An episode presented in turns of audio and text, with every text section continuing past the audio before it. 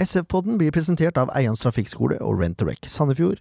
Utstyret blir levert av speakom.no, og vi blir publisert i samarbeid med Sandefjordsplass nettsider, sp.no og Radio Tønsberg.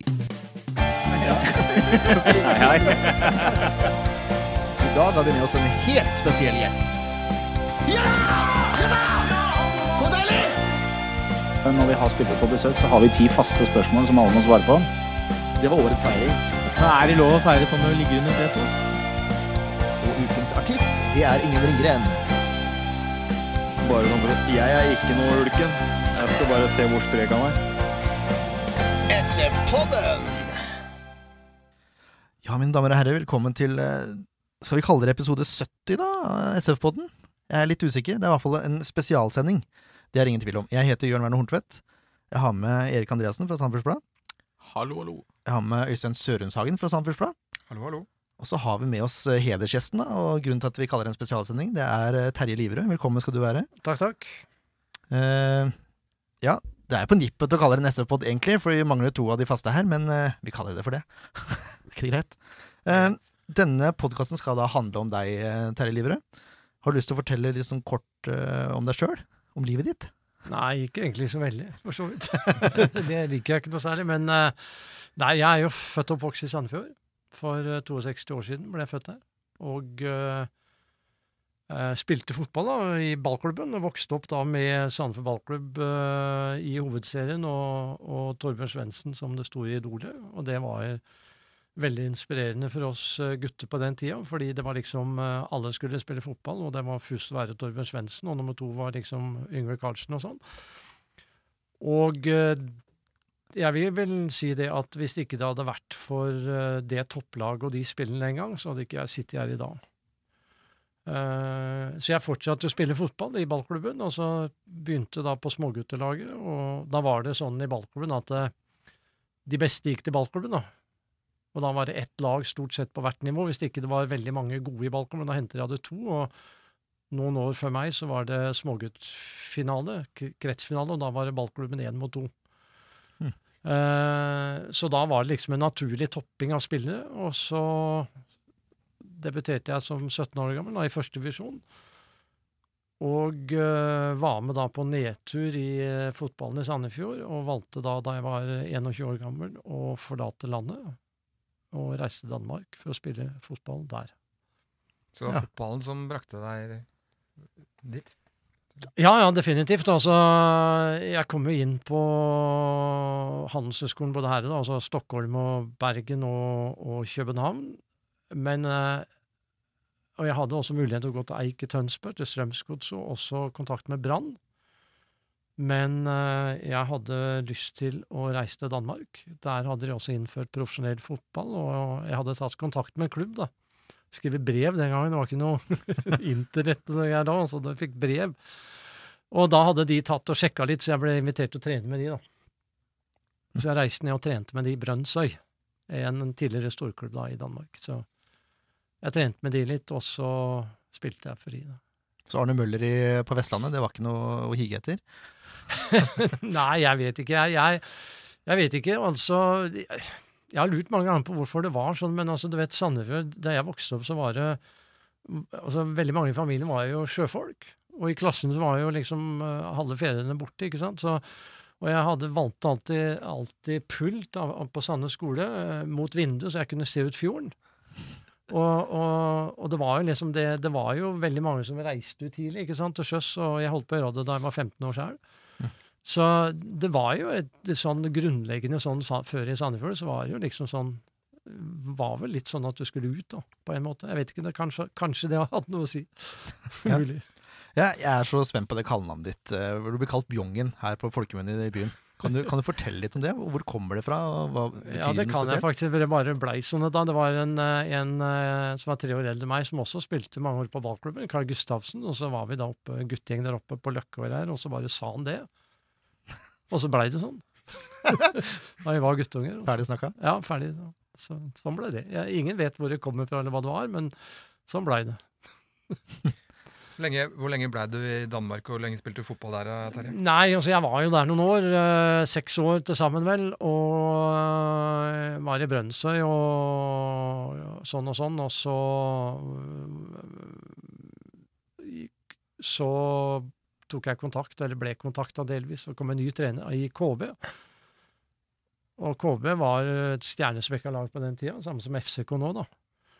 Med masse landslagsspillere og ditt og datt. Og eh, jeg trente med de da etter sesongen et par måneder, eller desember, november-desember der. Og da var det faktisk sånn at eh, de, de kunne ha 15 kontraktspillere en gang i Danmark. Og de skulle signere den 15., da, så, så sto valget mellom Preben Elkjær og meg. Og da, da gjorde det en genistrek at de signerte med meg da, istedenfor Preben Elkjær. så, så det var nå sånn. Men Hvilket eh, årstall snakker vi her, da? For, eh, Nei, hva snakker vi om? 77-78? Ja. Ja. Ja. Jeg husker vel han fra Mexico i 86. ja, da var var han blitt noen år eldre. Det er første VM jeg husker. Ja, Da var han brukbar. ja da spilte jo Mikael Laudrup, han var jo da i klubben. Jeg spilte jo sammen med faren hans. Han og, og, og, og Mikael, Finn og Mikael var jo der samtidig. Og Ole Quist sto i mål, Mm. som vi også da spilte sammen. Så da hadde jo, de hadde veldig bra lag i Mexico og Danmark. ja. Mm. Eh, Hvordan, hvordan, kan jeg bare spørre, hvordan gikk det sportslig i, Danmark? Ble det noen titler og sånn? Nei, det gikk litt opp og ned. En, eh, en sølv Altså, vi ble nummer to med KB. Eh, og eh, så var det sånn at jeg måtte spille venstreback, og høyreback spilte, spilte Ole Høygård, som var back på danske landslaget. Så den plassen var låst. Han var kaptein også. Eh, og jeg måtte spille venstreback, og det var ikke noe særlig for meg. Så det var faktisk sånn at Tor Øste Fossen var en del i kontakt med klubben, og litt med meg også. Og, og jeg ble forhåndsnominert, da. Og så kom eh, en annen eh, til klubben. Den gangen var det jo ikke vinduer, du kunne jo gå over midt i sesongen den gangen. Erik Eriksen, det geniale navnet, som, eh, som jeg har veldig god kontakt med ennå. Men han var kaptein på U23-landslaget til Danmark. Spilte venstreback, så han skjøv ut meg, da. Men vi ble bestekompiser. Men uh, han skjøv meg ut da av en mulig landslagsdebut også, da. Eller tropp, da. Så det var sånn. Så ble det litt opp og ned, og så havna jeg i ballklubben Frem. Og uh, til syvende og sist, og var der og spilte fast utover høsten. Og vi mangla tre kamper, husker jeg. Og så måtte jeg gå og si at jeg kan ikke spille de siste tre kampene av noen, omhell, noen uheldige omstendigheter som jeg ikke har lyst til å komme inn på her. Eh, og da hadde jeg egentlig da bestemt meg for å legge opp. Da var jeg 28 år. Hm. Ja. Rett og slett. Og, Ja. Men gjorde ikke det. Jeg gjorde det, men jeg kom tilbake. Ja, for du kom tilbake til ballklubben helt til sist. Ja, altså jeg var i Frem da, og så fikk jeg et uh, Da hadde jeg i mellomtida så hadde jeg da studert på Handelshøyskolen og tatt, uh, blitt siviløkonom. Hadde tatt en tilsvarende masterutdan eh, masterutdannelse da, i, i utenrikshandel, altså international business, foreign trade. Og så fikk jeg tilbud av Jordan om å reise til eh, Sør-Amerika. Og åpne et kontor for de i Brasil og bli leder for, eh, for eh, Sør-Amerika, Sentral-Amerika og Karibien. Og det sa jeg ja til. så det passa egentlig veldig bra. da, så Jeg kom vekk og kom dit ned, og det var sånn jeg kom til Sør-Amerika, egentlig. Og, dette var da i Jeg var snakket med 83. Så det er da Ja. det starta? Ja, det var da det starta, liksom. Og så var jeg der, og det var eh, noen innmari supre år, par år. Det var helt fantastisk, egentlig, for meg som var ung og, og, og tjente godt og reiste rundt i, i eh, Ikke minst, og så hadde vi også forretninger i Karibien. Det passa veldig godt. Det var livets glade dager. Ja, ja. Nei, altså, ja, altså, det var jo seriøst, da. Jeg var jo det, men altså, jeg passa jo på. at Jeg skulle liksom ha en tur opp eh, Vi var i Surinam, vi var i Jamaica, altså Venezuela hadde vi mye. Så passa jeg på å reise opp på torsdag, da, så jeg fikk liksom ei langhelg der oppe. da. Så jeg splæsja rundt i Karibien veldig mye, da. Og det var sånn, altså. altså det, det, men jeg, jeg lærte jo etter hvert eh, altså eh, portugisisk, selvfølgelig. Og uh, lærte mange andre å kjenne òg. Uten å gå i detalj om det. Men, uh, men, men det var en veldig lærerik tid, og jeg hadde kontor på Skjelett.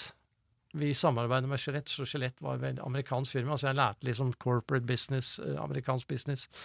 Eh, hadde kontor ved siden av presidenten her, en italiener. Og eh, privatsekretær og hele pakka, liksom. Så det var eh, ganske morsomt, det også. Interessant. Veldig interessant. På alle mulige måter.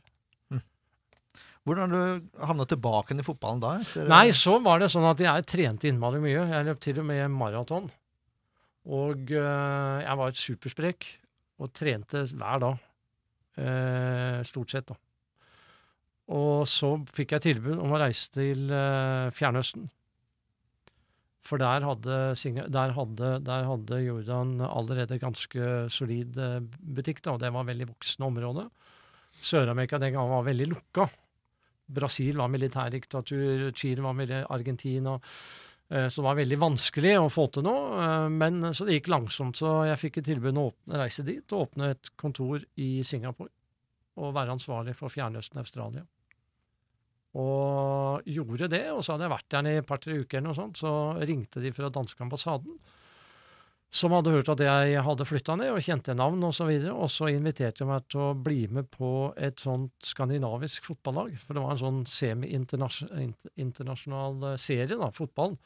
Så de trente to-tre ganger i uka og spilte kamper på lørdag. Det var veldig opp og ned i nivå, da, men altså, det var veldig ålreit. Så jeg gjorde jo det, og så dukka det plutselig opp på kontoret en dag en eh, mann som ringte eller banka på eller et eller annet, og kom inn, ja, og han var fra en av de store klubbene i Singapore, Farrow Park United het de, og lurte på om jeg ville spille for de, for de hadde jo vært og sett på disse ligaene da, og, og uh, så jeg spilte faktisk litt for de i Singapore. Og så bestemte jeg meg rett og slett en dag for at jeg hadde lyst til å spille fotball igjen, så jeg ringte til ballklubben. Og så ringte jeg til presidenten, og så sa jeg at jeg kom hjem. Og så ringte jeg til presidenten i Jordan, eller sjefen min først, da. Og så ringte styreformannen, han Brekke, en av eierne der. Og så sa han er du spenna gæren, sånn? Nei, sa jeg, er ikke det, men jeg har lyst til å spille fotball. Ja, men vi har store planer for deg, vi, sa han i firmaet. Ja, det, takk for det, sa jeg, men eh, jeg skal hjem og spille fotball. Og så pakka jeg sakene og reiste hjem. Og spilte fotball eh, for ballklubben i to år, og var samtidig daglig leder. Så jeg er vel den eneste i historien som har vært spillende daglig leder. Hva snakker vi om? Hvor, hvordan, hvor lå ballklubben? eh? Nei, det var jo andredivisjon, da. Ja. eh, og det var, vi hadde veldig bra lag, så det var veldig morsomt. Var det Roger Iversen? Ja, Roger Iversen og Bjørn Lydersen og så videre. Eh, så det var, eh, var veldig bra lag, og veldig morsomt var det. Eh, så det var noe sånn, da. Så samtidig som så begynte jeg å starte det som jeg fortsatte med, også dette med klær, som, sånne ting, i Peru. Inka? Altså Clark Ross, da. Så jeg hadde begynt, begynt å jobbe parallelt med det, så For hva var, hva var bak, hvordan starta det? Nei, det var fordi at da jeg bodde i Brasil, så var jeg på påskeferie en gang i, i Peru, og så kom jeg over det materialet, og så hadde jeg aldri hørt om det, og så surra den ideen i bakhuet mitt. Og så kunne jeg selvfølgelig ingenting om det, så, så øh, jeg starta jo da sammen med et par andre, Jørgen Jare blant annet, var med på det i det firmaet. Og det gikk egentlig rett vest alt sammen, fordi jeg kunne ikke noe om det. Og det tok tid, og, og vi tapte penger, og mer penger. Og, og så var det jo sånn at jeg var i Canada og kom i kontakt, så så jeg da noe som heter Nautica den gangen. Og lang historie kort, jeg reiste ned til New York og fikk et møte med han sjefen der. En ung fremadstormende kineser, amerikaner. Og fikk jeg lisensiert det for hele Europa, og det redda meg. Eller oss og meg. Fordi at eh, det gikk bare i løpet av to-tre år, så eksploderte Nautica, Nautica. Ok, Og sånn ble- boblejakker eller Ja, det ble, ja, de begynte med det, egentlig. Og de ble jo, det er jo alt til slutt. Og ble jo i løpet av bare noen få år så gikk de fra null til milliarder. Mm. Eh, og så dukket det da opp et engelsk konsern. De kontaktet oss fra USA og sa at de ville kjøpe lisensen. Så sa jeg ok, vi har en gjeld sånn og sånn og ditt og datt, så de baila oss ut, egentlig, amerikanerne. Uh, og vi fikk likvidert alt som var, og satt igjen litt. Og så gjorde jeg en avtale med de engelskmennene at jeg skulle uh, jobbe for de som konsulent da, i trekvart år, eller noe sånt. Mm. Og da kom jeg til London og skulle spise lunsj med en gammel kompis av meg, Terry Fennick, som spilte, var senteroff i Mexico-VM i 86. Og han hadde med seg en annen kamerat som han spilte sammen med i Tottenham, Paul Walsh. Så Paul spurte hvor jeg skulle bo. Så jeg nei, jeg veit ikke, jeg, sa. Så jeg sa han du kan bo hos meg. Så, det, så jeg flytta inn hos han, da. så vi ble innmari gode kompiser. Og eh, Ja, nå snakker jeg mye her. Skal Ja, bare snakk- bare Dette var Bare mens. Walsh spilte i Tottenham? eller? Da, da spilte han i Spurs, ja. Mm. Så vi bodde nord for Cockfoss der oppe, da, i, i nærheten av, eh, av, eh, av treningsanlegget til, til Spurs. Så jeg var jo med noen ganger også opp og trene og sånn. og jeg husker første gang vi satt ute, var en vårdag. Det var i februar, faktisk. Var tidlig, tror jeg. Men det var fint varmt og sånn, så de satt utafor og spiste til treninga. og Sånn engelsk den gang mat da, med noe kjøtt og noe rein, noe suppe. Sånn. Og så satt jeg ved siden av en annen, og jeg skjønte jo ikke bæret av hva han sa. Og han, han så på meg, og så snakka med mat og hund, og det rant jo sausen over haka på der. Og, og han snakka på sin, sin, sin altså, eh, eh, Han kommer jo fra Jeg føler jeg har en idé om hva du skal si nå. Ja, Gassa. Det var jo Gassa da. Han kommer jo fra opp ned fra Hva heter den dialekten der oppe? Newcastle? Newcastle. Ja. ja, den er, den er vrien. ja. Jordi. Jordi, ja. Ja. Så jeg kommer jeg aldri til å glemme. Men han var en herlig fyr som vi hadde mye omgang med sosialt. Eh, det gikk dessverre etter hvert ikke så, så bra med den. da. Eh, men det var en eh, veldig fin tid. Jeg fikk sett mye og lært litt og jobba litt og sanert gjeld og kommet i gang igjen. Altså. Jeg tenker liksom, Er dette utgangspunktet? Hvordan kommer vi oss videre til det vi, eh, som, som da er på en måte den der eh, det, det du har holdt på med ved siden av businessen din? Altså Ja. fotball, eh, speidervirksomheten Ja, det er jo fortsettelsen egentlig av dette her. da, fordi at Jeg reiste jo da fra London og til Sør-Amerika. Tilbake igjen til Sør-Amerika og fortsatte der jeg hadde sluppet med dette her, for jeg visste at det var liv i det. Eh, alpakka, jeg reiste til Peru og jeg reiste til Uruguay igjen og, og, og etablerte på nytt. Og starta der, og eh, det tok av. Og vi fikk en riktig bra butikk ut av det, særlig i Tyskland, da, hvor vi produserte for veldig mange andre merker. og ditt og datt. Sånn og sånn. Og så sitter jeg på kontoret i Peruen da, og så ringer Pål Wolf og sier du, jeg har blitt agent. Kan du hjelpe meg? Så sier jeg jeg tror ikke det. sier jeg, det var, Den gangen så var det jo telefax og greier. ikke sant? Og, eh, ja, nei, jeg skal ned og se på fotball i Sør-Amerika, sa han. Og så måtte jeg begynne å ringe da rundt og, og arrangere en tur. Peru, Argentina, Uruguay, Brasil. og klarte, Hvordan jeg klarte, vet jeg ikke, men jeg fikk jo kontakt da med folk rundt omkring. Og begynte å grave. Og det var egentlig hele innfallsvinkelen. fordi da Paul kom til Peru, så så vi sluttspillkampene mellom to topplagene, Allianza og Universitario. Og da så vi en spiller som vi likte veldig godt, begge to. Og han tok, vi tok kontakt med han om agent og klubb og sånn. Og etter et år så ja, Ti måneder seinere så var han i Tyskland, og det var Claudio Pizzarro, som vi oppdaga da som 19-åring, 18-19-åring. Og på samme tur, da vi kom til Argentina, så, så, så var det en kompis eller Jeg ble kjent med en via en annen kamerat av meg som knytta kontakt med Jan Johansen som bodde der nede. Han, han hadde en annen eh, en sånn forretningskamerat som jeg spurte kan kjenner du noen som kan hjelpe meg med fotball. Og så var det en som gjorde det, som jeg ikke kjente, men som er liksom bestekompisen min her nede da. Og kameraten hans var president i Boca Juniors. Så vi fikk billett til en utsolgt kamp, og da så jeg en annen spiller som var, hadde spilte sin syvende kamp, som jeg da samtidig med Pizarro anbefalte til Bayern München da vi kom tilbake. Og det var Esteban Cambiasso. Så jeg liksom traff spikeren på huet da, to ganger, og så trodde det var veldig lett, dette her. ikke sant? Så, så det var en flying start, da, og sånn kom jeg inn hos Bayern München. da. Det var jo sånn vi kom inn der. Mm. Uh, men, eh, men det som var morsomt med det, det var jo at han, presidenten i Boca Juniors, han øh, og bestekompisen hans, og så jeg ble jo da kjent med han, med begge to. Mm. Og hadde fortsatt hadde kontakt med presidenten i Boca også, da. Var på grunn av fotball da, og, og andre ting. Og han besøkte meg i Tyskland under VM i 2006 i Tyskland i tre dager. Og var hjemme hos, hjemme, hos, eh, hjemme hos oss. Og vi var på kamp sammen. Vi hadde møte med Schalke, selvfølgelig. Og jeg har kontakt med han fortsatt. I dag er han ikke president i Boca, men han er landets president, president i Argentina. Så det viser seg å være en grei kontakt. da, kan du si. Det virker som du har en, del nettverk, og sånn som du forklarer nå, så er det nesten sånn tilfeldigheter, men det kan jo ikke være det. Du har jobba hardt for å få det nettverket du har fått. Ja, altså Jeg jobber vel sannsynligvis uh, mer enn de fleste.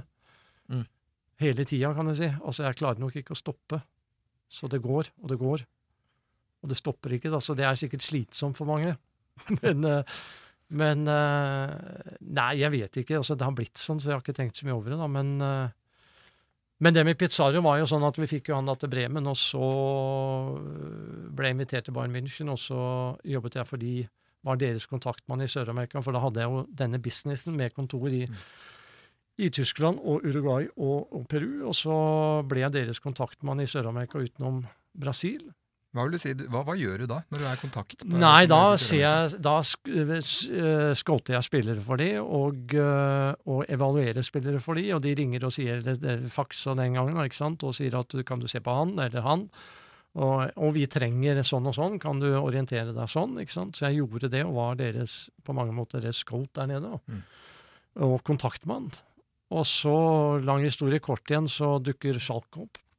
Og så øh, skriver jeg kontrakt med Schalke, og blir deres Altså, jeg var konsulent til styret da i Schalke i ni år.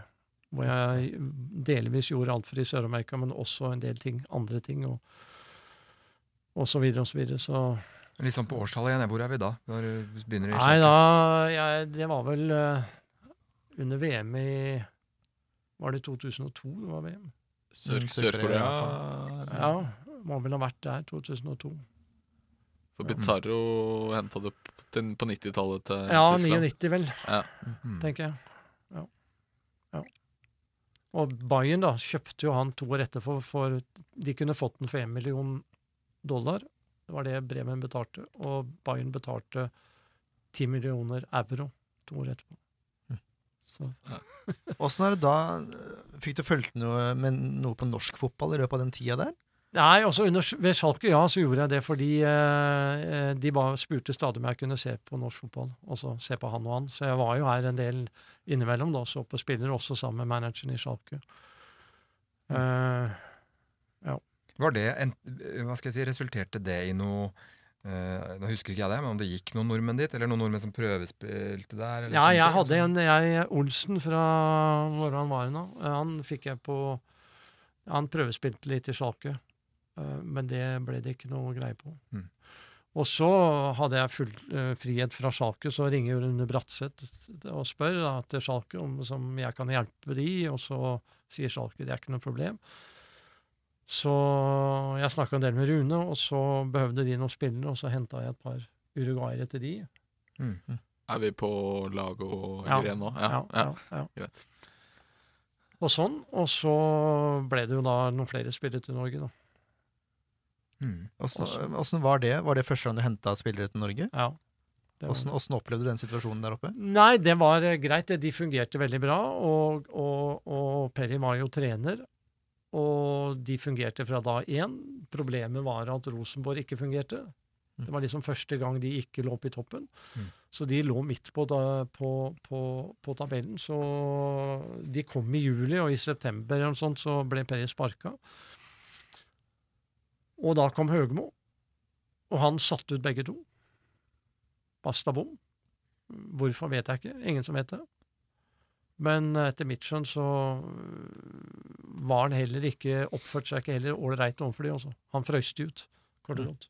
Og det visste folk i Rosenborg. Så han frøys spillerne rett ut. Eh, Så da januar kom, så måtte jeg finne annenplass til de. Så uh, Gøteborg og Hamarby. Mm. Ja. Så da var Erlandsen trener i Gøteborg, IFK. Eh, Så han var der og kom tilbake til Rosenborg og ble værende i Rosenborg i seks, sju, åtte år. eller noe sånt. Og ble årets spiller. Lago, Lago? Ja. Og Eguren han eh, ble årets spiller i Sverige og eh, tok henne til Spania etterpå. Villarreal, var det ikke det? Jo, debuterte mot Barcelona og ble matchvinner 1-0. Han var, vel, han, han var vel en av Viareals beste spillere på den tida? Ja, han var jo det. Ja, ja. ja, ja, han var det. Og var på vei til Lazio. Skrev kontrakt med Lazio, men uh, siste dagen i overgangsvinduet og legetesten dagen etter, så besto han ikke.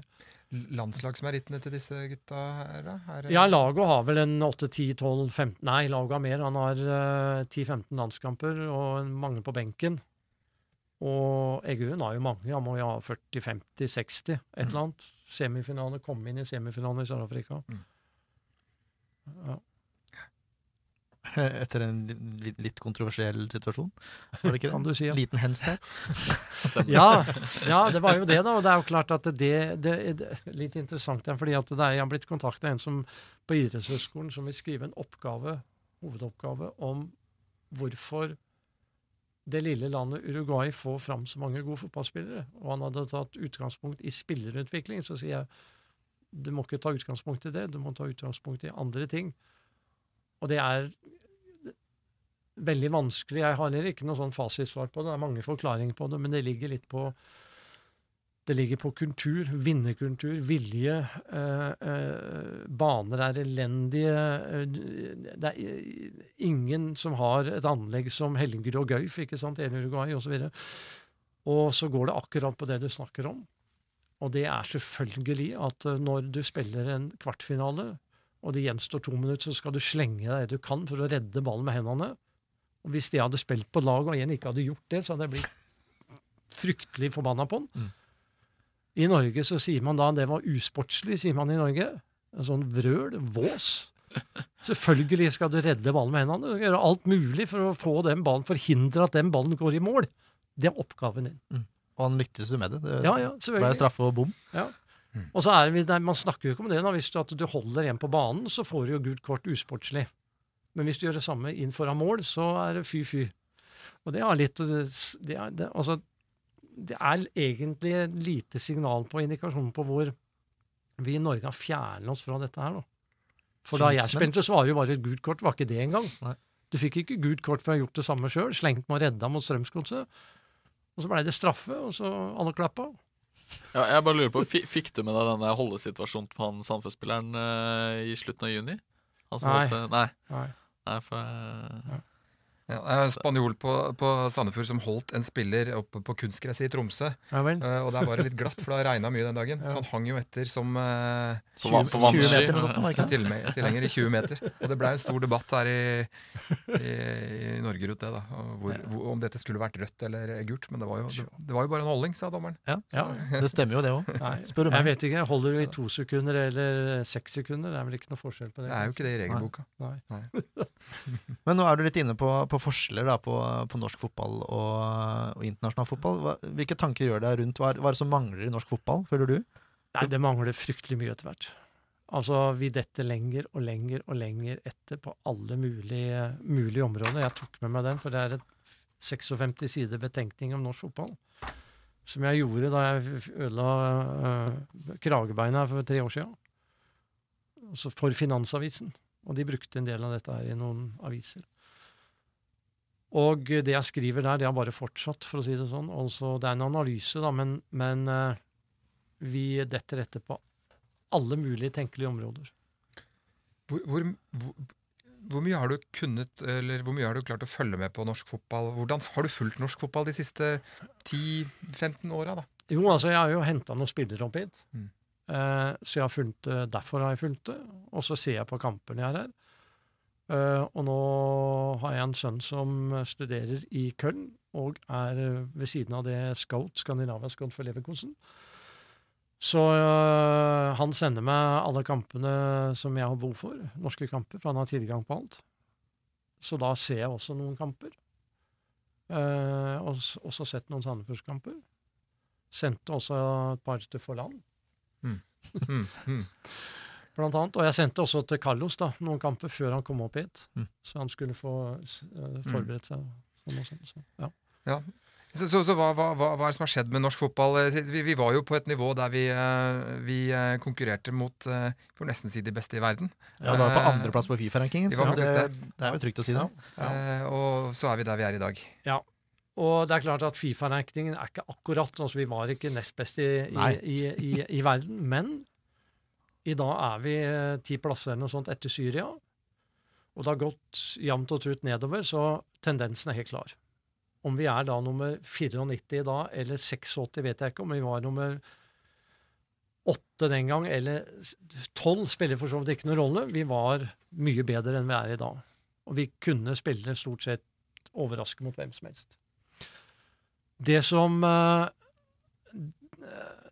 I en stor feil som ble, gått, ble begått i norsk fotball, det var jo da man startet, åpnet opp for eh, kommersialisering i den forstand at man åpnet opp for AS-er i norsk fotball. Nå er det jo sånn at uh, ingen kan eie en fotballklubb i Norge.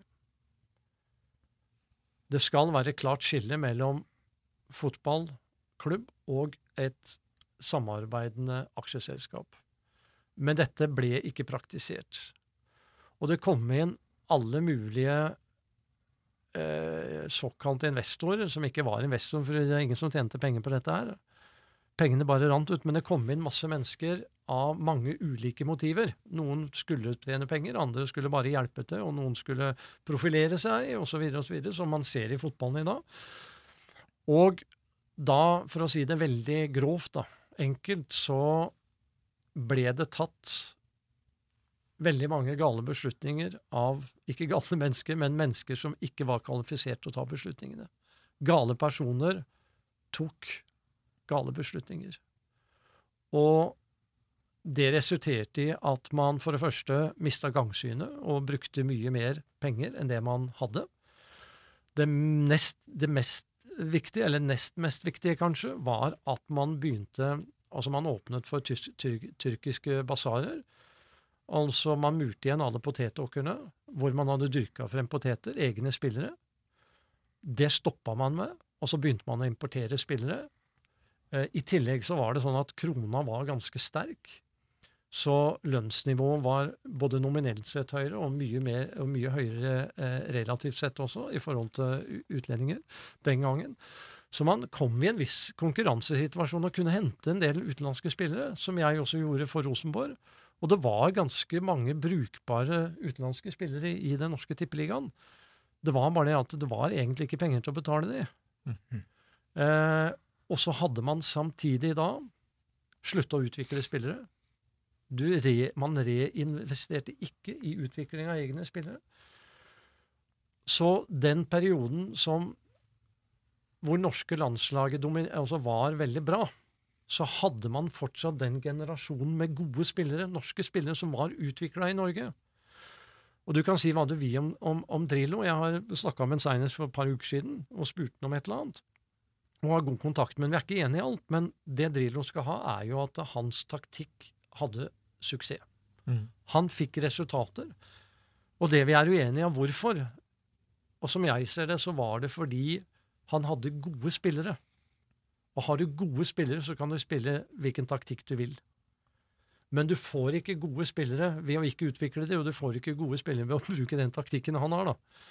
Ikke sant? Men, men da begynte man, da begynte slutten på denne utviklingen av spillere. Og jeg har masse her som dere kan få kopi av hvis dere vil. Og gjort masse, også Dette kan du måle på alle mulige måter. Du kan måle på antall spillere, norske spillere som blir solgt. Og så kan du se over en eh, 15-årsperiode til utlandet. Du kan se på tilskuddstall, selvfølgelig. Du kan se på Uefa-rankingen til Norge, klubbrankingen til klubbene.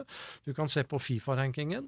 Du kan se på alle mulige resultater, så er den helt klart sammenfallende. Altså, knekket kom i 2007, men nedgangen til landslaget kom litt før. Det begynte litt før, fordi eh, man hadde ikke egne spillere mer. Men når du snakker om at vi ikke klarte å utvikle egne spillere, Ja. slutta man å gjøre noe man hadde gjort før, eller er det bare det at andre utenfor Norge har begynt å har utvikla seg så mye mer, og vi har stått på stedet hvil? Altså, Begge deler. Mm. Begge deler. Eh, man altså Hvis du går bare tilbake til, til altså Da jeg vokste opp, da, så, så var det liksom ballklubben. Der jeg hadde ett lag på hvert trinn, og det var de beste. Og det var en topping. Jeg hadde bare ikke, Ordet var bare ikke opp, funnet opp. Men det Hvis en ikke var god nok, hva skjedde da? Nei, også da jeg ble 15 og førsteårs guttespiller, så hadde jeg ikke vokst, Jeg var liten, så da måtte jeg sykle ut til Sandar og så spille et år der. Og da fikk jeg spille hele tida. Og det var greit, det. Men jeg fikk spille fotball. Og, og, og det, jo, det var jo Sånn var det før. I dag er det forbudt i Norge, da. Ikke sant? Så man har, man har gjort det at klubbene re, reinvesterte ikke i utvikling av spillere, kvalifiserte trenere, reiste i utlandet og lære osv. osv. Og så kom man i den perioden i Norge hvor alt gikk av seg sjæl. Oljepengene fossa inn, og man trodde man hadde oppfunnet en ny verden i Norge, at alt går bra, og ingen skal være bedre, og ingen skal være dårligere, og alt dette her. Og da ble det forbudt med topping. Altså hvis du er god pianospiller som åtteåring, så får du de beste trenerne og da er det beste lærerne og sånn. Da er det, en vidunder. Men i fotball så er det forbudt. Så det var en sånn sammenfall at det ble forbudt, og at man sluttet å investere. Mens utlegene fortsatte å gjøre det. Og det har medført, resultert i at vi er totalt akterutseilt på alle mulige områder. Og i 2007 så kom krakket, det økonomiske krakket. Og da må jeg si at eh, sommeren før det så hadde, gjorde jeg et stort intervju med VG. De slo en dobbeltside opp, og jeg sa at eh, det hersker en bør-bør-sånn-mentalitet i norsk fotball, og det gikk dårlig med Bør. Og så gikk det seks måneder, så gikk det rett til helvete. Og det har bare fortsatt nedover siden, for da kollapsa alt sammen. Lyn gikk konkurs, og alle klubber måtte begynne å spare. Mm. Spare og spare og spare og spare. Og det som har skjedd da, er at man har spart seg til fant. Lønnsnivået i Norge er, er ikke konkurransedyktig med noe som helst. Ingen utvikling av spillere. Eh, ikke, det er ikke penger til å investere, investere der man burde investert, osv. Så, videre, og så, videre. så i dag Den nedgangen vi har sett nå, den kommer dessverre bare til å fortsette. Men uh, i den perioden der, eh, 2007, det var den tida du også prøvde å kjøpe deg inn i norske klubber. Hva tror du du hadde gjort annerledes? Hadde du kunnet sett en stopper for det for Lyn, eksempel? Ja, vi, ja, ja også det er litt av den samme situasjonen i dag, egentlig. Også den gangen så var uh, Mathias, altså Almeida og jeg, da, uh, i samtale med Lyn. Og uh, vi begynte å grave, jeg begynte å grave dette her, og det viste seg at uh, tallene var jo mye mer råtne enn det de så ut til. Det var jo liksom, Jeg regna meg fram til at hvis det blir en inntektssvikt her de neste tre åra på 10% så blir det likviditetsbehov på bortimot 100 millioner. Og jeg la jo fram dette overfor investorgruppene, og sånn, og de hadde jo ikke gjort hjemmeleksa, de skjønte jo ikke bæret av det. Men det som var muligheten den gangen, det var at Tippeligaen skulle utvides med to lag. Lyn lå på tredje-fjerdeplass, kunne ikke gå ned. HamKam var rykka ned. Og da sa jeg at vi har én mulighet. Det var om sommeren, og dette var seks måneder før det krakka. Så sa jeg vi selger alle spillerne vi har, og de vi ikke får solgt, de gir vi bort. Så spiller vi med reine lynspillere, og så får vi opp en tre-fire unggutter fra Argentina og Uruguay på gratislån. Og så spiller vi med de i halvannet år. Da har du sikra tippeligainntekter ett og et halvt år, og så spiller du med tredjedivisjonsutgifter. Da hadde du så etter mitt regnestykke sanert gjelda til Lyn. Mm. Og det var jo ingen som torde å gjøre. Og så gikk det et år, så var de konkurs, selvfølgelig. Men jeg så jo muligheten i det, altså. Og da kunne man også brukt den klubben da, til å hente opp unge spillere der nedenfra, sammen med Lyn, som hadde jo da dette gymnaset der. eh, sånn. De fikk jo fram veldig mange gode spillere. Men det kollapsa jo alt sammen. Så feil mennesker tok feil beslutninger nok en gang. Altså. Hvor, hvor tidlig burde man begynt med, med den type utvikling som du har prata om her nå? Ja, Altså, så fort de begynner å sparke en ball. Ikke, ikke, ikke senere. Hva må, hva må til for å komme dit? Altså, en ting er, en ting er uh, å, å begynne med det og sette det i system, men hva, hva med trenerne osv.? De fleste lag i, lag i Norge i dag på, på det nivået der, så er det jo foreldre som trener disse lagene. og Ja, altså, man må, man må differensiere, og det, det, som, det som jeg syns er litt trist i Norge, da, kanskje litt provoserende egentlig også, er at man sier at alle skal ha mulighet til å spille fotball. Og så gir man ikke alle mulighet til det. I Norge så er det sånn at de som ønsker å bli bedre og bli best mulig, de er det ikke plass til i Norge. Du har plass til alle, men de får ikke lov å spille for seg lenger. Så det er ikke, det er ikke I Norge så nekter de de som ønsker å bli gode. De får ikke lov. Jeg lurte på en ting.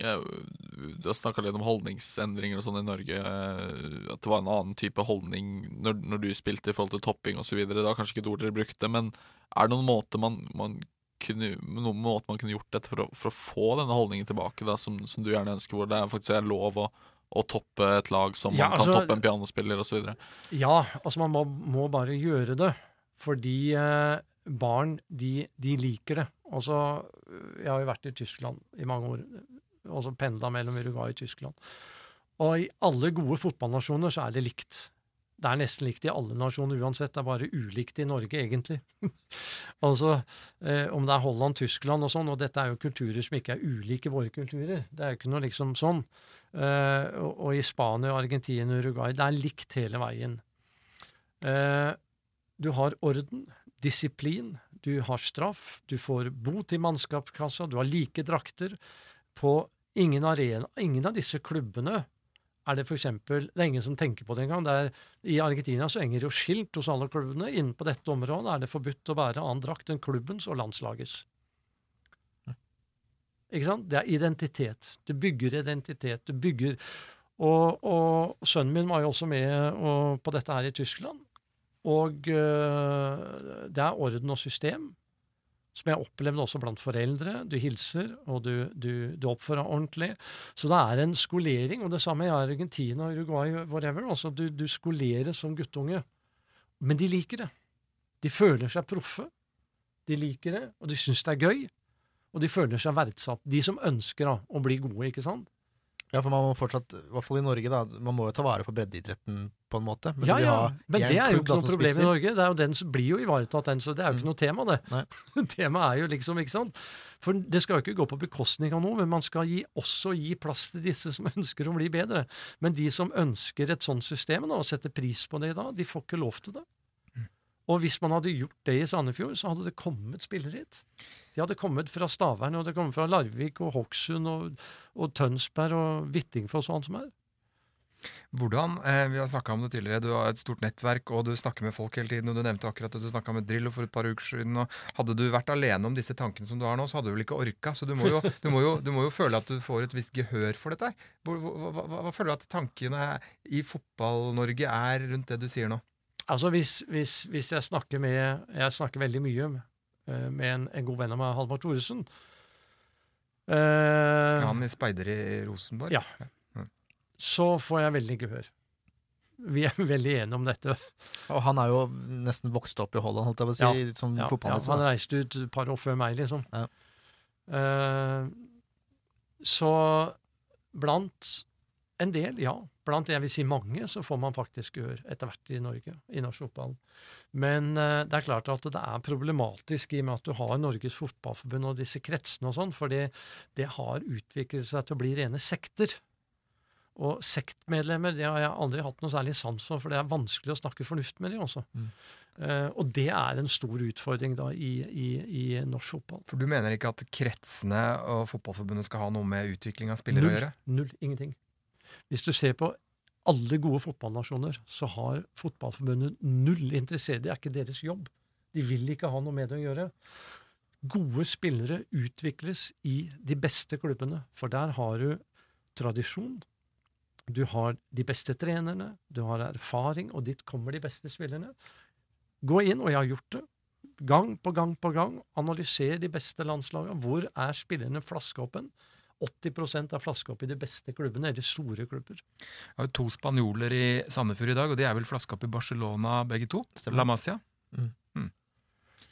Sånn at du, du, du Forbundet har ikke noe med det å gjøre det hele tatt. De vil ikke ha noe med det å gjøre. De skal ikke ha noe med det å gjøre. Det er helt fullstendig misforstått. Det er egentlig det samme som om Jotun skulle bedt staten å stå for produktutvikling av maling framover.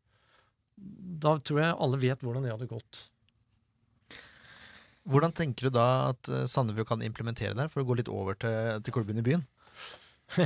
Nei, hvordan de kan det? Høre på meg. Ja, for dette her bringer oss jo over til sommeren 2017, og det har vært eh, masse oppmerksomhet i media rundt eh, Sandefjord og rundt deg og rundt en viss spiller som ble kåra til den beste i VM for eh, noen år siden. Og det har dukka opp et par eh, spillere som er i klubben her i dag også. Hva, hva, er, hva er bakgrunnen for at du har eh, skal jeg si, involvert deg og vært så tett på, tett på Sandefjord fotball som du har eh, vært nå i sommer? da?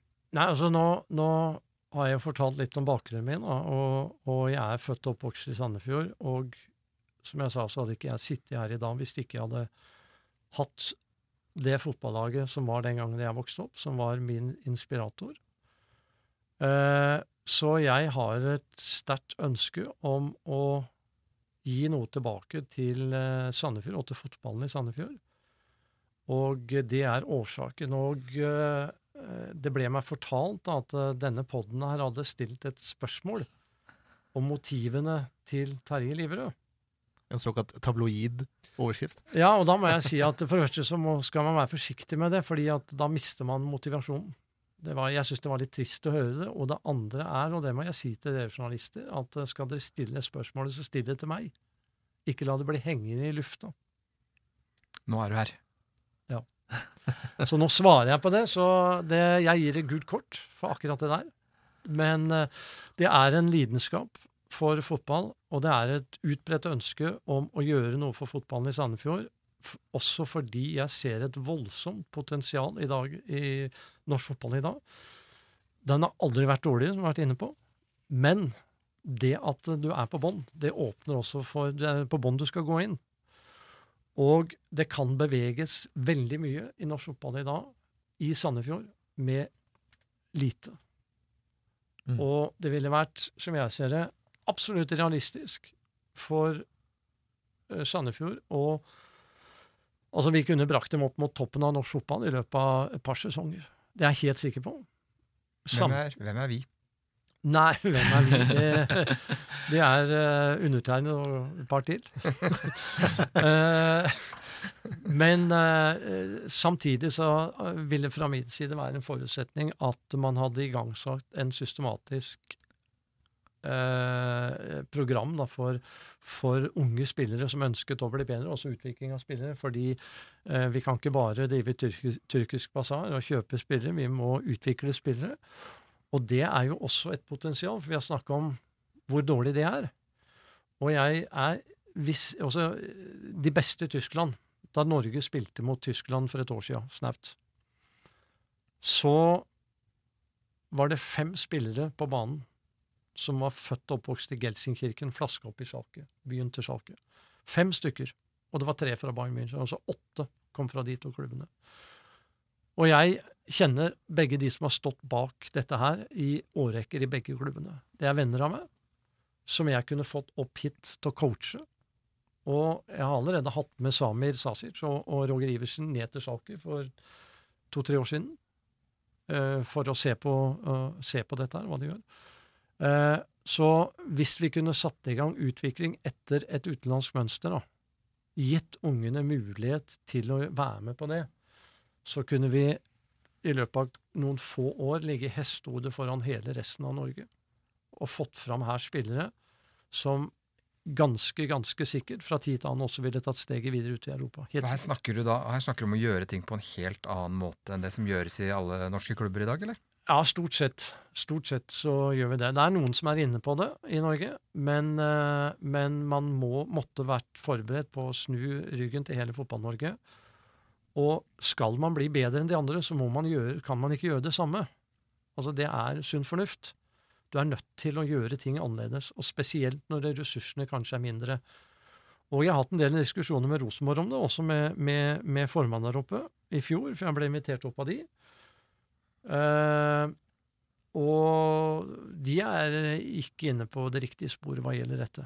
Så Rosenborg vil slite med å kunne utvikle gode spillere. Så vi kan, kunne ligge hestehodet foran de òg. Men uh, ja, et sånn lite steg da i motsatt retning til resten av Fotball-Norge har Lars Bohin allerede gjort. Ved å legge om til trebekkssystem, så er det jo helt uhørt her i Norge. Hva, hva tenker du om, om det? Nei, så jeg vil ikke kommentere sånne ting så veldig mye, for det blir litt feil da, i nåværende situasjon. Men jeg vil si at når det gjelder dette med å, å bruke et bevisst system, også Trebekk-system, i utvikling av spillere, det er helt feil. Da har man rett og slett ikke forstått hva, hva som skal til for å utvikle spillere. Fordi det jeg var inne på tidligere, det er mange ting som vi kan si, men for å si det veldig enkelt, så, så så er det ikke taktikk som utvikler spillere. Du utvikler spillere for at de skal kunne, for at de skal kunne utføre taktiske disposisjoner. Ikke sant? Så det er det ene. På akkurat dette punktet så kan vi konkludere med at uh, du er kritisk til det som står i sportsplanen til Sandefjord Fotball. Den har jeg ikke lest, så jeg vet ikke hva den innebærer. Jeg bare, så jeg aner jeg ikke noe om, så det er ikke den jeg snakker om. Jeg snakker om generelt. Og det andre er at hvis du skal utvikle spillere, så, må du, så, så dyrker du fra de er små, da. Så går det veldig mye ut på å spille ball, for å si det veldig enkelt. Og da kaster ballen, keeperen ballen ut en bekk. Du sparker ikke ut ballen. Dette er grunnleggende utvikling av spillere. Så hvis man skal implementere et taktisk system, da, som f.eks. Trebekk utvikling, så er det veldig misforstått. Når det gjelder eh, toppfotball, så vil ikke jeg kommentere noe spesifikt, men det er eh, mange lag, eller topplag i dag, som bruker Trebekk, eller legger om, eller sånne ting. Og det kan de gjøre fordi de har så gode spillere at de kan spille hvilket som helst system. I, i, nedover på nivå, og da vi snakker norsk fotball, da, hvis ikke du kan plukke for det å spille et spesielt system, type Trebekk, det krever spesielle spillere. Det spiller spesielle egenskaper hos midtstopperne. Og hvis du har tre sånne, så kan du utmerket godt spille Trebekk-system. Da kan det fungere kjempegodt. Men de må kunne plukkes, for de vokser ikke på trær. Fordi kulturen vår er helt annerledes. Fotballkulturen er grunnleggende et annet system. Og etter mitt skjønn da, så Men jeg vil ikke gå inn på disse. Jeg snakker ikke om Sandefjord fotball, så jeg vil ikke gå inn på taktikk i Sandefjord fotball, for det, det blir helt feil, da. Så jeg, snakker, jeg vil heller snakke litt generelt. Hvis vi kan gå bort fra det med taktikk igjen, og bare tilbake til en konkret, eh, konkret ting. E- En av de historiene som har vært i media eh, i sommer, den dukka vel opp, det var vel NTB som skrev det, den gikk jo ut på at eh, du og eventuelt noen andre personer ønska å, å, å kjøpe dere inn i klubben. Ja. I Sandefjord fotball. Hva, hva kan du si om det? Ja, det er riktig, det. Det kan jeg bekrefte. Og hvor, eh, hva kan du da si om hvor den eh, saken står? Nei, det var Mathias da som kontaktet meg, fordi Mathias ble Han var jo her og spilte litt også, og er en fantastisk personlighet. Eh, årets spiller i Italia i år 2000. Eh, var da en av verdens best betalte spillere for øvrig. Eh, og har gjort en fantastisk trenerkarriere. Men han sier, og kontakter meg stadig vekk, for han har lyst til å komme tilbake til Norge. Så vi, eh, han gjorde det, og var da i Guadalajara. Eh, er trener her i Mexico, og vant jo double seinere. Så han kontakta meg, og på vegne av han så gjorde jeg en henvendelse. Egentlig ikke på vegne av meg sjøl men egentlig på vegne av han, for å sondere terrenget og interessen, da. Det er ikke nødvendigvis meningen at han skulle gå inn som trener da, men på sikt så kunne han gjøre det, eller at han kunne også være konsulent eller et eller annet. Og så langt kom han ikke, da, men, Mm. men uh, det er riktig. Det ble gjort en henvendelse. Så dette er en henvendelse som ble gjort, men også, også noe som er, eh, er lagt dødt, eller? Ja, det, det, det ble jo lagt dødt, fordi at det ble vel egentlig da avvist, da. Så. Mm. Men var det, er det, var det starten på dialogen og samarbeidet som dere har hatt i sommer, eller? Ja, så ble det jo da tatt, dialogen tatt opp igjen, og uh, så var det at jeg lanserte vel noen visjoner om uh, at det var fullt mulig da, å, å flytte Sandefjord opp i toppen, og, og uh, hadde noen tanker om det, og du gjorde et intervju med meg hvor jeg sa at det ville være hensiktsmessig å gjøre en analyse av klubben, og, og komme med noen forslag og noen innstillinger, og jeg fortalte litt om hva den da nødvendigvis ville innebære.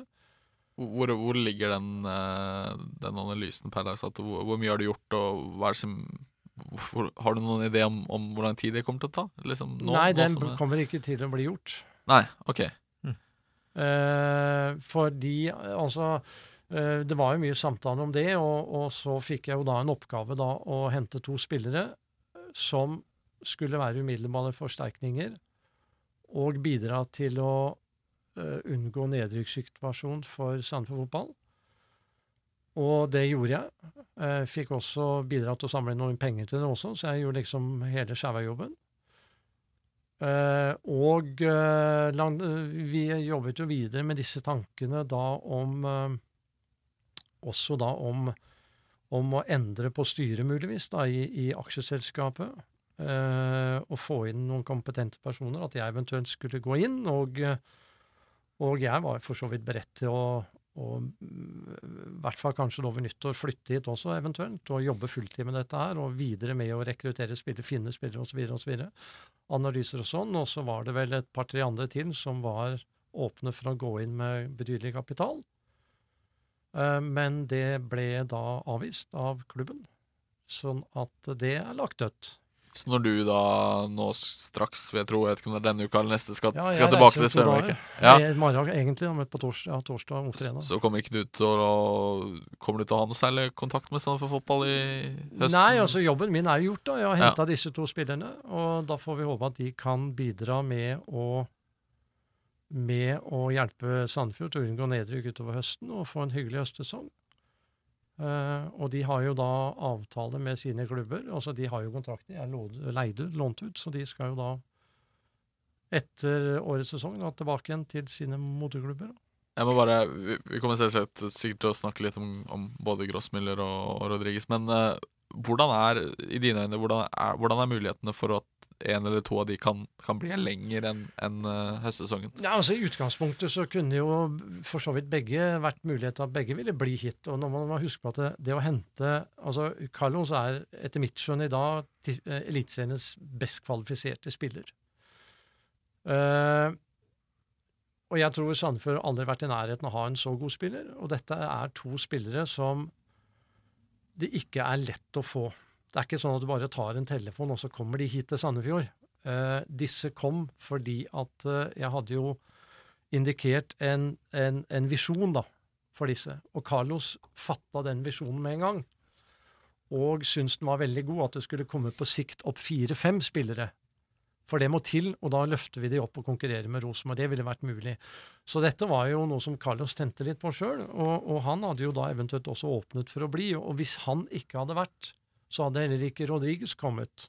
For du får ikke noen til å komme hit til Sandefjord eh, til en norsk eliteserielønn eh, uten at det ligger en plan i det. Og planen var jo at man skulle bygge opp et system så det kunne komme da flere spillere.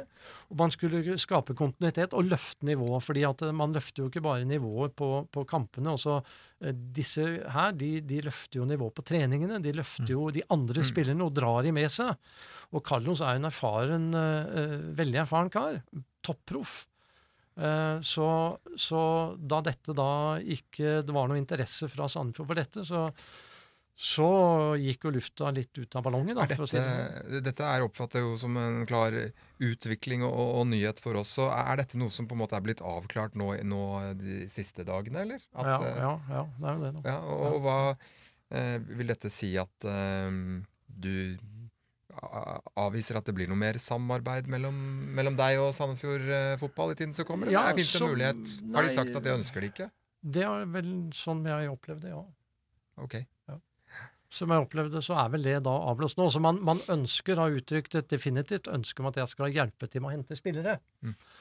Eh, og det kunne jeg for så vidt også teoretisk sett gjort. Det er bare det at, som jeg sier, at det å hente spillere av dette kaliberet, i hvert fall flere, eh, det, det nødvendiggjør en, en, en større plan.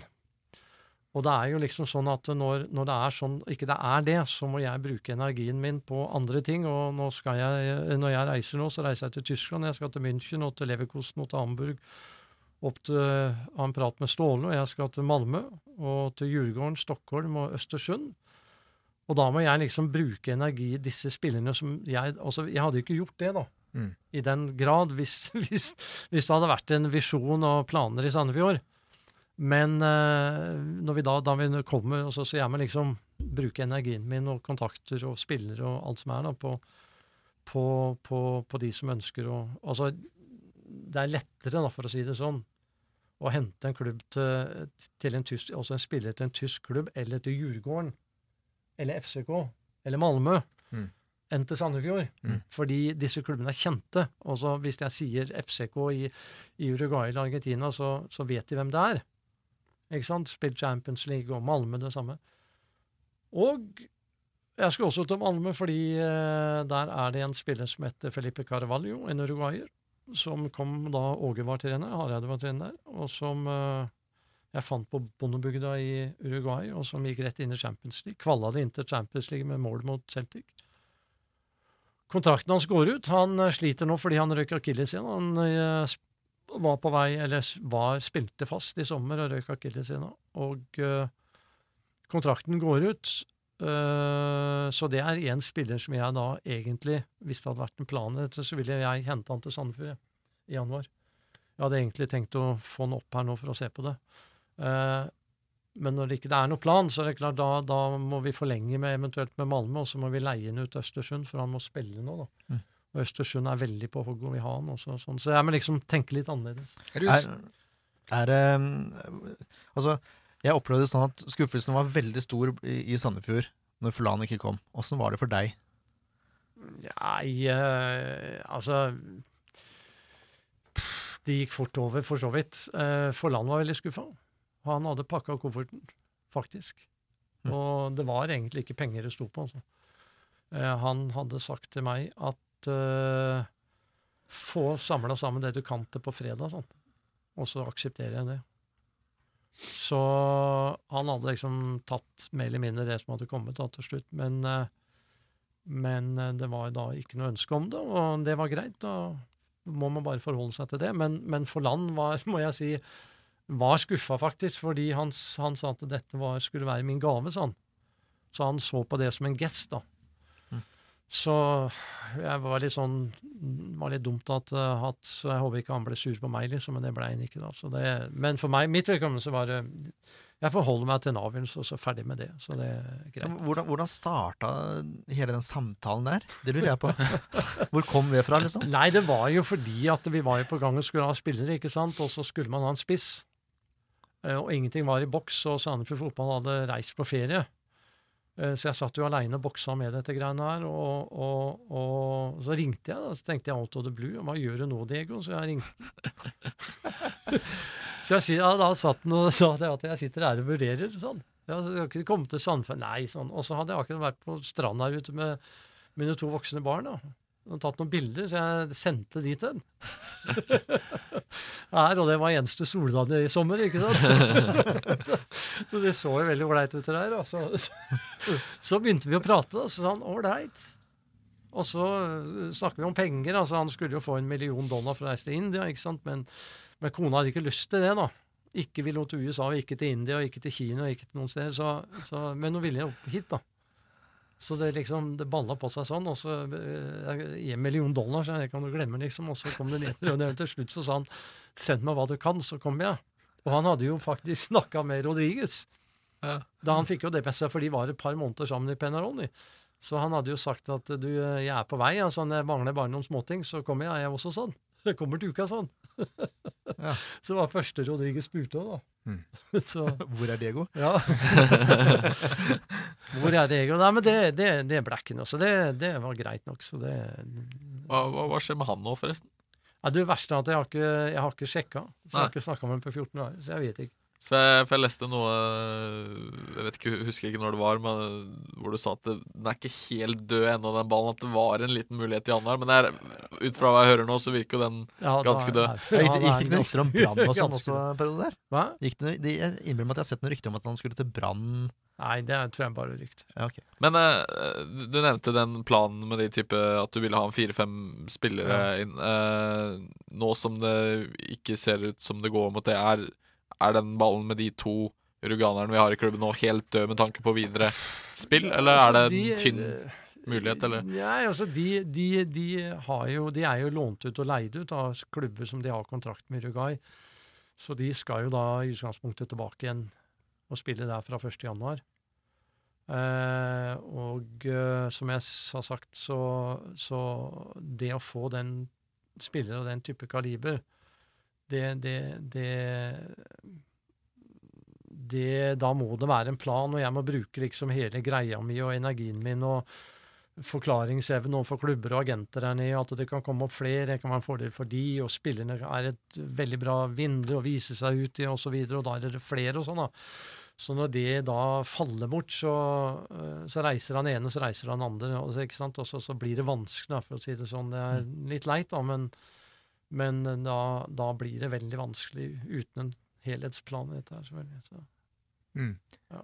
Sånn jeg oppfatter det du sier nå, så har klubben sagt ganske klart at de vil gjerne at du skal hjelpe dem med å, å finne spillere i Sør-Amerika fortsatt, men uten da å ha noen slik eh, helhetlig plan eller visjon eller tankegang bak som du har Ja. lansert. da. Ja, de har sagt at det kan være en mulighet, ja.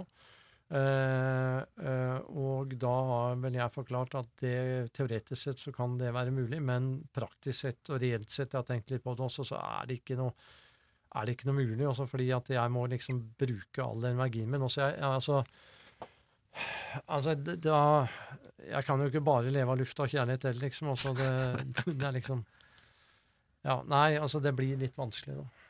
Kan, kunne sagt eh, Du har nevnt det tidligere, men det har vært mye energibruk på, på overgangstenking. Så kan du si litt om den, den det- jobben det har vært i sommer med å prøve å få Forlan og de to andre spillerne til, til Sandefjord? Egentlig helst ikke, for jeg vil nesten egentlig glemme det, for hele sommeren gikk i den telefonen, ikke sant, og så eh, Det var eh, Det var det, det, høres lett ut, men det er ikke det, altså. Eh, og så er det tidsforskjeller, så det ble to-tre om natta. Hele juli måned, liksom. Og fram og tilbake og ditt og datt. Og, så nå var det veldig tidspress òg, da. Og så hadde uh, Sandefjord fotball tatt ferie. Eh, rett og slett. Dette var jo ikke planlagt heller, altså. Ferier var planlagt. sånn. Men altså, så det blei litt sånn knotete kommunikasjon, da. Men det gikk jo greit da til slutt. altså, eh, De skulle gjerne vært der før, da, men også i hvert fall Rodriguez. Men, men, eh, men det gikk jo bra. Og de kom, og eh, vi kan vel si at de kanskje egentlig redda fire poeng på de to første kampene. Ja, Ja, kan, ja, kan kan si det. ja. Syns, du- syns du at de har spilt nok?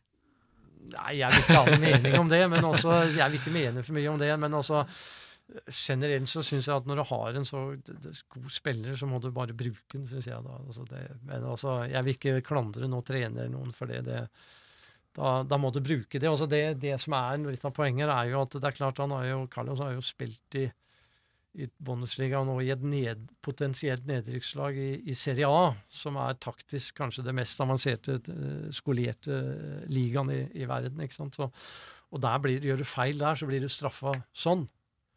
Eh, så om han gjør en feil i norsk fotball, så blir han ikke straffa for det med en gang. liksom, Så kan han gjøre det der, så kan han kanskje gjøre det, gjøre det her òg, da. Men, men jeg vil ikke legge meg borti noe laguttak eller ingenting. Eh, Overhodet ikke. Så det, de er så proffe at de forholder seg til det, og gjør som treneren sier, og Nå, sånn er det. nå er ikke vi så gode i spansk, så vi har ikke fått snakka så mye med det ennå, men eh, har de det greit her, eller? Ja da, det går bra, det. Altså, jo da, absolutt. Eh, absolutt. eh, og, og, og Carlos, vi har jo allerede vi snakka allerede om, om, neste år, vi faktisk. altså. Vi gjorde det, og, og Carlos sa jo også hvor viktig hans rolle kunne være. da. Eh, ved å bli et år til, for hadde ikke han vært der, så hadde ikke heller Rodriguez heller kommet. Eh, og han var veldig innstilt på å ta den rollen, liksom, og sånn, så jeg sa at uh, du, uansett hva som skjer med meg, så må du bare bli. Så, men det er klart at han sa at uh, hvis ikke du er her, så er vi kanskje ikke jeg heller. Altså. Men nå får vi ta den sesongen ut, og så får vi være positive. Mm. Og så får vi håpe på det beste, og så får vi håpe på en hyggelig høstsesong. Vi skal være positive og skal håpe på en hyggelig, høst, men jeg må spørre deg allikevel. Er du, er du, når du nå reiser fra byen etter å ha vært der, er du, er du litt skuffa over at, eh, at det endte med at det ikke, ikke ser ut til å bli den type samarbeid eh, og utvikling eh, av klubben da, som du Ja, altså, ja, har lansert og er, jeg, eh, jeg, jeg gjør ikke dette for en enkelt klubb, jeg gjør det for fotballen i Sandefjord. Og for fotballspillere og unge gutter i Sandefjord som ønsker å spille fotball. Og i den sammenheng så er toppfotballklubben Sandefjord Fotball meget, meget viktig. Uten å ha en toppfotballklubb, så blir interessen og inspirasjonen for unge også tilsvarende dårlig. Eh, og desto bedre toppfotballklubben Sandefjord Fotball kan bli, desto større inspirasjon vil det være for hele byen, for hele området, for fylket og ikke minst for barn i Sandefjord og omkrets i Sandefjord. Og jeg er sikker på det, at vi skulle i løpet av kort tid fått løfta den helt opp mot toppen av norsk fotball. Det er fullt mulig med dagens nivå. Og eh, på, det, på den bakgrunn så er jeg nok uh, skuffa, eller trist, da, litt lei meg, på fotballens og vegne, da, og byens vegne. Kommer du til å gjøre et nytt forsøk? Ja. Nei, jeg tror ikke det. Jeg tror jeg har gjort, no, gjort nok forsøk nå. Men også, Man må bare akseptere avgjørelser, og da Det er, det er jeg vant til her i livet. Eh, Så da er det bare å være like hyggelig og gode venner. Og, og det er jo klart at hvis man ikke har behov for hjelp, så betyr jo det også at man ikke, ikke, altså ikke ønsker hjelp. Så betyr det at man ikke har behov for det. Og da kan man vel også da sannsynligvis klare dette på uten min hjelp, da, eller vår hjelp, for det var jo flere enn meg som var villige til å gå inn med, med penger her også. Da. Så det var jo Sånn er det. Er det norske eller utenlandske interessenter? Nei, altså alt er lokalt forankra. Altså, jeg syns det er veldig viktig med lokal forankring. Jeg ville gjerne hatt et byens lag. Jeg ville gjerne jeg, jeg ville jo gjerne sett at dette var et byens lag. Eh, hvor det var flere som var med og ta avgjørelser, hvor, hvor, hvor liksom folk var mer involvert og, og sånn. Det er vel kanskje sånn. Så eh, jeg er herfra, født og oppvokst herfra. og, og og, men, men. Sånn er det. Vi har litt ulike syn på det. Så. så. Jeg bare tenker på, eh, Hva, hva tror du om, om Sandefjord fotball videre, både i høstsesongen og neste sesong, med, med den planen og, og de ideene de har nå, altså- som de fortsetter å følge? da? Nei, altså i- Høsten tror jeg kan bli ålreit. Eh, Veldig viktig kamp mot Viking.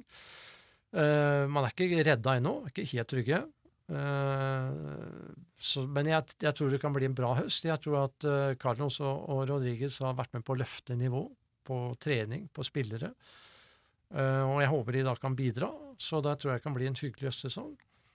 Uh, neste år Tja, hva skal man mene om det? Altså, da må man vel se litt på historikken, og da er det vel som jeg ser det, da, kanskje ikke så store grunner til å tro at det skal bli så veldig mye annerledes enn hva det har vært. Klubben har jo aldri klart å holde seg to år i eh, Eliteserien. Altså, De har klart Ja. å overleve én sesong, Ja. som de kanskje neste. klarer i år. De har aldri spilt Eliteserien tre år på Så har de aldri klart det det neste året. Nei, det får vi Så se. Da, så. det, det, er jo en, det er jo en ny barriere å bryte, det for klubben, faktisk. Ja, det er klart at da eh, Det er ikke så lett, fordi at eh, du, du, du, du, du må ha gode spillere. Men altså, nå, behøver, nå er det lettere enn noensinne, da. Det skal man jo si, fordi at uh, muligheten er større fordi det er mange som er dårlige. Det er mager trøst, men det er nå tross alt en trøst. Så, så uh, det gjør det litt lettere, og det gjør at det kanskje også blir mulig neste år. da. Det får man jo se på. Se, selv om da Sandefjord har begynt seint i utviklinga, sånn som du ser det, da, for de har et gutte 16-lag, og så har de et gutte 19-lag. Nå leder begge de to laga serien sin. Eh, Så er det et snev av håp allikevel for at det kan være noe på gang? Nei. Nei. Egentlig ikke. Det ikke, For det er for seint, du kan ikke begynne der. Uh, I norsk sammenheng kanskje, men det er ikke noe, altså det kunne vært gjort så veldig mye bedre. Så, så eh, det blir gjort som det er i Norge og sånn, så det er, det er ikke noe Jeg ser ikke noe sånn spesielt lys på det. Altså. Jeg må bare stille det spørsmålet også, for jeg, jeg vet internasjonalt så er kunstgress eh, sett på som på avsky. Altså, Ja. Hva tenker du om kunstgress? Kunstgress er en avlastning og veldig bra for dårlige baner, og veldig bra i Norge om vinteren. Men fotball skal i utgangspunktet spilles på gress så mye det er som mulig. Og i Norge så er det en overdreven kunstgressbruk som utvikler en spesiell type spiller, og spesielt spillestil kanskje, som jeg tror er, kan være medvirkende til at eh, norske spillere får problemer med å hevde seg ute. Uh, og jeg syns det er litt trist, fordi at Sandefjord er jo veldig veldig bra stilt da, med gressbaner. Uh, og da burde man være veldig bevisst på å spille så mye som mulig på gressbane når de ligger her. Og så bruke kunstgressbane når de skal brukes, og det er som avlastningsbaner, og selvfølgelig om vinteren. Mm. Og det som det også medfører, er jo at uh, når du har flere kunstgressbaner, så blir uh, gressbanene blir jo mindre brukt, så det blir jo enda bedre. Uh, og det er jo også en av de mulighetene jeg ser på her. Når, altså, de mulighetene vi hadde. Jeg har tatt med Carlos og Rodriguez rundt på helger og gøyf, liksom. Med fantastiske baner. Og så var jo ikke en menneske der. Ikke én sjel noen av de gangene jeg var, tok med de ut. Og de, de fatta det jo ikke, ikke sant. Eh, så som de sier også, dere har jo alt, bortsett fra spillere. Sier de det? Ja. Men eh, jeg har bare lyst til å gå litt tilbake til det med talentutvikling. For du, du snakket litt om topping av spillere osv. Uh, og så vet jeg du har litt tanker om det med, med lagstruktur og, og hvordan ting skal være, med, blant annet med type reservelag, som jeg vet du ikke er en veldig stor tilhenger av. Kan du si litt om, om de ideene? Ja, altså Ikke det at jeg ikke er tilhenger av reservelag, sånn og sånn, men også øh, Jeg vil ikke gå inn på det. Jeg hadde hatt visse ideer, og, og, og jeg har, vet så noenlunde, tror jeg, hvordan jeg ville gjort det, og hvordan det bør gjøres. Eh, men det er såpass Jeg vil ikke gå inn i noen detaljer om det, egentlig, for da tråkker du plutselig noen på tærne. Så det blir, det blir feil, syns jeg. Jo, jo, men generelt, liksom, ville du Nei. Hvordan ville lagstrukturen vært? Nei, det, jeg vil ikke jeg, vil, jeg har ikke lyst til å gå i detalj som det. Jeg tror bare at hvis vi hadde fått jobbet i det stille og rolig her eh, et år eller to, så tror jeg at vi Det har ikke vært noe problem å drive Sand fotball i pluss, økonomisk pluss. Eh, det hadde vært helt uproblematisk. Eh, ikke det at det hadde vært luft for å bruke mye penger på eksterne spillere, men eh, sånn som det er i dag, så kunne man drevet en sunn fotballklubb. Men altså, du må ha de riktige personene som tar de riktige avgjørelser, og du må ha Altså, vi kan, vi, alle, vi kan ikke alt. Noen kan det ene, og noen kan det andre. Og noe av problemet da i norsk fotball har jo, som jeg har sagt, vært at eh, feil personer tar, har innflytelse på feil ting og tar feil avgjørelser. Og det er veldig viktig at fotballfolk da i klubber Og det beste eksempelet for meg i verden i dag, det er Bayern München. De har klart å gjennomføre dette som en klubb. Og øh, fikk selvfølgelig flying start med, med Gert Müller og, og Beckenbauer på 60-tallet, som løfta de opp i Bundesligaen. Men etter det så har de brukt dette veldig fornuftig, og da har de hatt styrer som har vært veldig bra sammensatt med, med, med, øh, med økonomer og, og, og driftsfolk. Og har de alltid hatt fotballfolk i styret som har fronta klubben. Du sier jo ikke, noe, du sier ikke direkte noe, men du sier jo indirekte at du kanskje har noen tanker om akkurat den biten eh, her i Sandefjord? Ja, tanker om mye. Når det gjelder kompetansen eh, i styret eller i sportslig ledelse? eh, Ja, nå har jeg sittet og snakka jeg vet ikke hvor lenge. Så, En time og et kvarter har vi snakket om. Så vi må, vi, nå- vi må nesten begynne å runde av. ja. Uh, er jeg redd. Og det har vært veldig hyggelig. Det, avslutningsvis da, så kan vi jo spørre Nå har du, nå har du sagt litt allerede, at nå uh, har Sandefjord avslått den muligheten som du ga dem. Men er, er det et håp at Terje Liverød blir mer involvert i samfunnsfotball fotball i tiden framover? Altså, jeg lukker aldri noen dører, jeg. Eh, ikke er jeg sur på noen heller, men eh, samtidig så tvert imot. Jeg syns det har vært uh, hyggelig, og det har vært morsomt å få hjelpe til litt. Men samtidig så er det også timinger. Det er momenter, altså. Og de skal man gripe. Og etter mitt skjønn så var det nå veldig godt. Og Carlos var sugen, og, og, og disse spillene har kommet. eh, Jeg har fått veldig mye positiv feedback fra, fra folk som har følt at det har vært morsomt igjen og fått veldig mye ryggbøkning og støtte, vil jeg si. Det var veldig hyggelig. Uh, og, og jeg skulle veldig gjerne stilt opp for både fans og supportere og bidratt alt jeg kunne. Uh, men eh, Jeg skal aldri si aldri, men jeg tror nok at timingen var veldig bra nå, altså. Om den er det om noen måneder eller et halvt år eller et år, det, det vet man aldri. Du er vel i Sandefjord neste sommer òg? jo, altså det er jo både Skype og telefoner og internett og sånn rundt overalt. Så altså, og jeg er i Tyskland, så er det ikke langt opp, men altså men, eh, men vi har eh, forsøkt så godt vi kan og gitt noen tilbud og muligheter, åpne opp for noen muligheter. Og så er det ikke så stor interesse for det her og nå, så da får vi bare ønske lykke til. Har du noen tips til Sandefjord fotball i tiden som kommer? Eh, denne sesongen, mener du? Ja, generelt Neste fremover. sesong også. Nei, altså Jeg tror vel, jeg håper at man skal klare en sjette-sjuendeplass i år. Det tror, jeg, det tror jeg er realistisk, og det hjelper litt økonomisk òg. neste år så syns jeg det er veldig vanskelig å spå om noe, men normalt sett så vil det vel bli Altså Hvis ikke disse to hadde kommet opp og hadde blitt litt guts i sommer, så hadde man jo kjapt kunne stått nå med en fot i nedrykk, altså. Faktisk så er jo det tilfellet. Eh, så håpet er det generelt dårlige nivået i Norge neste år. Det er håpet. På, eh, bare på, på, på lengre sikt, da, er, er, har du de samme tankene om at liksom det er uh, norske dårlige nivå som rett og slett er SFs håp uh, i fem-ti år fremover? Ja, det er jo for så vidt det. Eh, rett og slett også. Så, men igjen, også, det er jo det som gjør mulighetene så store, da. med relativt lite. Og jeg, men altså, det har vi snakket om, så, det, det, så jeg vil ikke ha noen mening om framtida.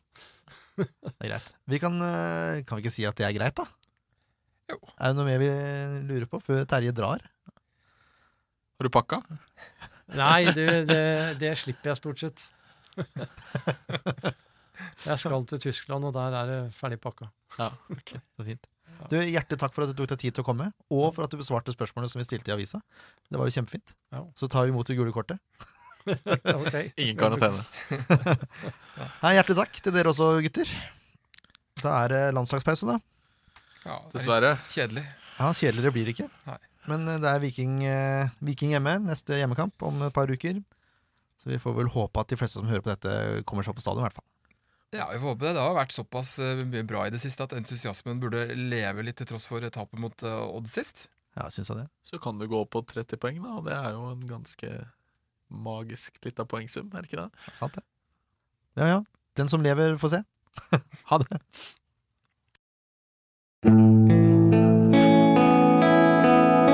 En podkast av Blanke ark medieproduksjoner.